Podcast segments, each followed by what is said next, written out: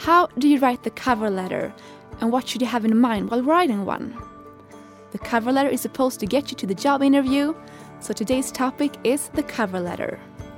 My guest today is Omid Ramanian, job seeking expert from the Swedish Public Employment Service. My name is Johanna Paulsson, and you're listening to the New in Sweden podcast. Hi, Omid, and welcome to today's episode. Hello, Johanna. Thanks for having me. All right, so today we're going to talk about the cover letter. Yes. And how to write one and why you should have one when, while applying for a job. Yeah, we are. So, first off, why is it important to even have one?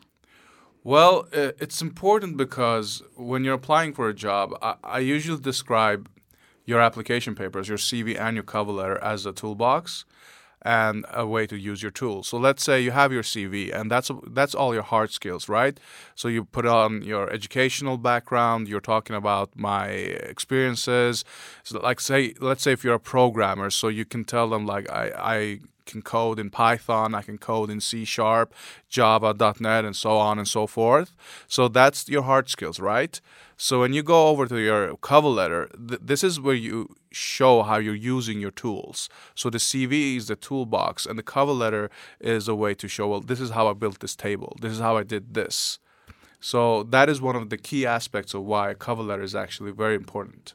A way to describe yourself for the position that you're applying for, and Yeah. for the employer to understand why you're a good fit. Exactly, exactly. So that that is uh, that is so important. So because it's, I mean, of course, when you when you get the CV, you get a feeling. Well, this person has the proper qualifications, but you're also wondering, well, who is this person? As a professional, yeah, that is. who are we, anyways? Yeah, it's not a key life question here. What is the meaning of life? who are you? It's about who are you as a professional person. Yeah. so, besides the part of describing yourself, maybe your soft skills, Yeah. what else should be included in the cover letter? So the thing is this that a, that a common mistake people do when they are writing the cover letter is that they only see the cover letter as a way to describe themselves. And one of the things they do is not only do they describe themselves, but they go intimate. And when I when I'm talking intimate, it's they give out private details like I have a dog, or I have a family, or I like to walk my dog, or I like to climb mountains because that is my interest. And you know what? If in a way you're gonna work with dogs, or maybe you're going to work with children or something like that, or you're going to work at the at a mountain with as a ranger or something. Well, that is that might be relevant to give uh, that kind of information. But let's say you're you're applying for the coder we have. Then, that, then that's not relevant. So you need to stay professional and make sure that what you're writing is relevant for the job that you're applying to. Secondly, uh, a common mistake people do is when we're talking about the cover letter and you're supposed to talk about yourself or show up, show yourself to the employer is that they actually forget to tell the employer why they're applying for the job. I think that's really important to do. Yeah. So I'm a coder and I've applied a job for, let's say, Spotify. Why? Why did I choose Spotify? Why did I not choose Microsoft or Google or maybe this uh, consultant firm? Why specifically did I choose to hand in my application to Spotify? And giving that a paragraph at least in the beginning to tell the employer this and this is the reason why I choose your company, why I think you're a great employer, why I want to work at your uh, place. That I think that is a key component that a lot of people actually miss when they're writing their cover letter. I believe I missed that a couple of times myself, not Yeah. really addressing to the employer. Yeah, me too. And that is, we had discussions with a lot of employers, and what they say not only do people miss this part in the cover letter, they actually miss this part in the interview as well. Be- Really? yeah, because sometimes, I mean, the employer asks, like, one of the qu- common first question, now we're in the interview, but they ask is like, why did you apply for this job? And a lot of people go, uh, uh, uh. Like, they kind of Really don't know. I need money? that, uh, yeah. So to address the cover letter towards the specific employer and be personal, not too private. Yeah. So tell why you are a good fit, but not what you're doing on your leisure time, if not relevant, of course, for the position. Yeah, I mean, if it's relevant, like let's say you have no prior leadership skills from your previous job, but you've been a leader in football for like 10 years. So you, you, you've been either a coach or maybe you play in a team where you're captain. So you have that leadership skills, but it's still your leisure time. But then you can show that and show that, well, I, I do have leadership skills, just not in the way you thought I had it. So you need to figure out if I'm putting in private information about myself, what is the relevance here? How will, will this information get me closer to that job? And and and and if your answer to that is, oh, they might enjoy me as a person, that is not that is not a that is not a reason to put in that. And if they enjoy as a person, leave that part to the interview because that's a more social situation where you actually get to meet the person and then you get that feeling, the energy and the vibe and all of that. But try to keep it as professional as you can when you're writing your cover letter. Yeah, and also the focus is to get to the interview. So present yourself, but not everything maybe in the cover yeah. letter. Yeah, that's one of the things. Like I hope your listeners uh, uh, caught up with the previous episode about the CV. But um, yeah, because uh, what we described the uh, application papers there was is like a trailer, right? And that's what you want to talk about. This is the trailer about me. And when you see a movie trailer, it's not, uh, or maybe the modern movie trailers give you the entire plot and everything. But if you look at the movie trailers how it used to be, like this is this is me, this is the person I am, and this is a taste of it. But if you call me to an interview, you'll get the full image presented to you. But I can get the feeling that there's so much of you to tell. Maybe I do so much in my spare time that could be of relevance. Yeah. So how should I? Think about the length while writing the cover letter? So you need to keep it short. That's one of the most difficult things about it. Uh, you need to keep it short. What I do is, uh, what we usually say here at the Swedish Public Employment Service is that you should try to keep it at one maximum one A4 page. But what I usually say is I even try to keep it at a maximum of 500 words. Now, the key thing here is the write rewrite thing we also talked about previously you write out everything that you're thinking about. Just write it all out. If it becomes five pages or seven pages, it doesn't matter. Just write it all out, and then you start to cut.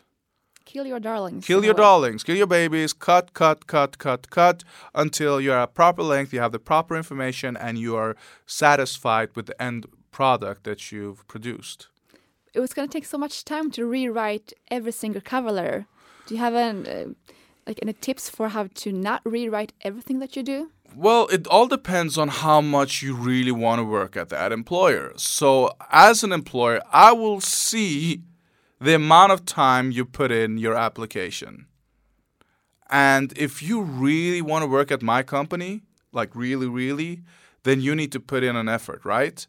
But if you're not that interested, or like you are, you are interested, but it's not like the dream job, well, you can kind of create a master type of mm, cover letter where you've written down your stories in paragraphs and then you just combine those paragraphs into a coherent uh, cover letter and send it out. So a bit of a copy and paste. Yeah, it's a lot of copy and paste jobs with these type of papers.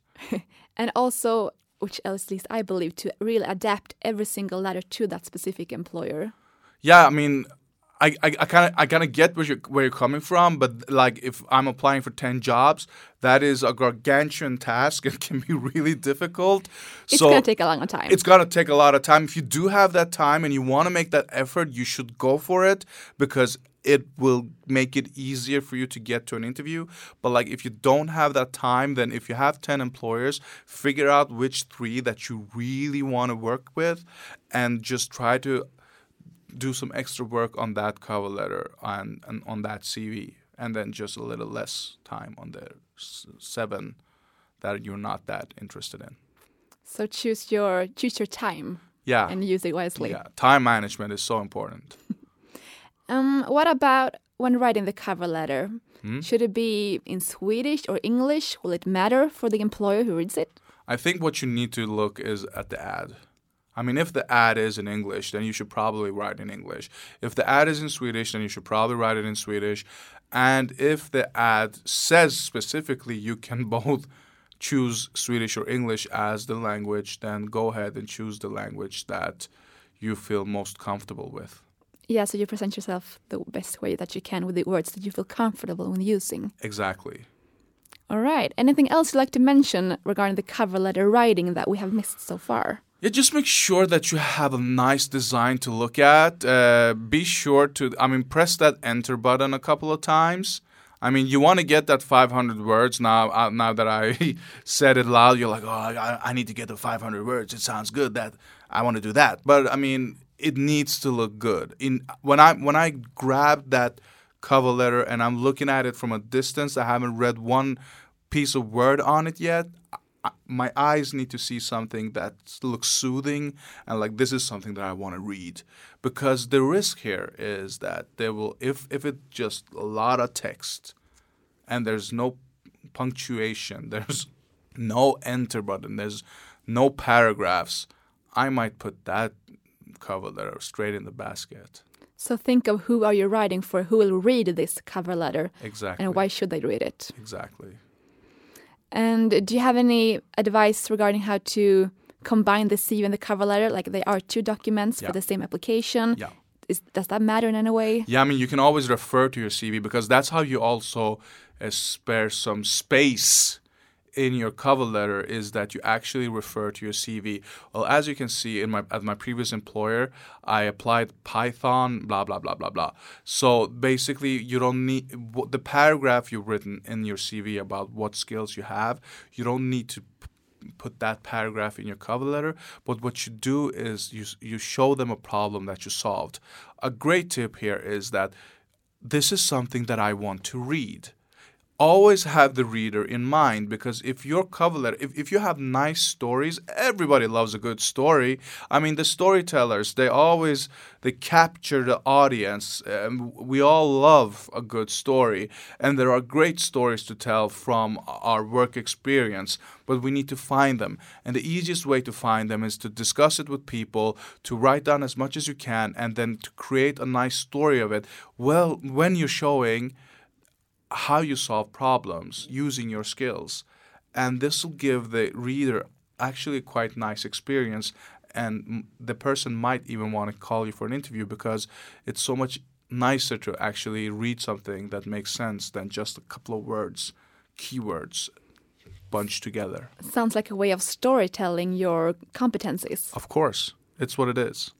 All right, so conclude the cover letter writing. Ma- help me out here if I miss anything. Yeah. But do keep it about one A4 page or 500 words, depending on. So not too long. Not too so long. that the reader actually wants to read it. exactly. With a good layout, good font, so it's easy to read. To describe your competencies as to why are you, uh, why how do you use your soft skills, why are you a good fit for the position. Hmm. Mm, not to, well, it's a combination with the CV, but not to rewrite the CV in the cover letter. Yeah. Exactly. And when it comes to the fonts, use a sans serif. Uh, they are actually very. Uh, don't use the Times New Roman. Or Comic Sans for that matter. Oh, do the Comic Sans. Well, that's one, that- that's a lot of fun. okay, choose the, the the- font that suits you, I'd say. But not Comic Sans. I was just kidding, right?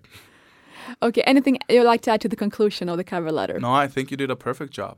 All right, well, thank you, Omid, for coming here and letting us know how to make the best cover letter. Thank you, Johanna, for giving me the opportunity to talk to your audience. Thank you. Bye bye. You've listened to the New in Sweden podcast with me, Johanna Paulsson, and Omid Ramanian. Today's sound engineer was Roger Svanell. Have a good day and be sure to subscribe to our podcast.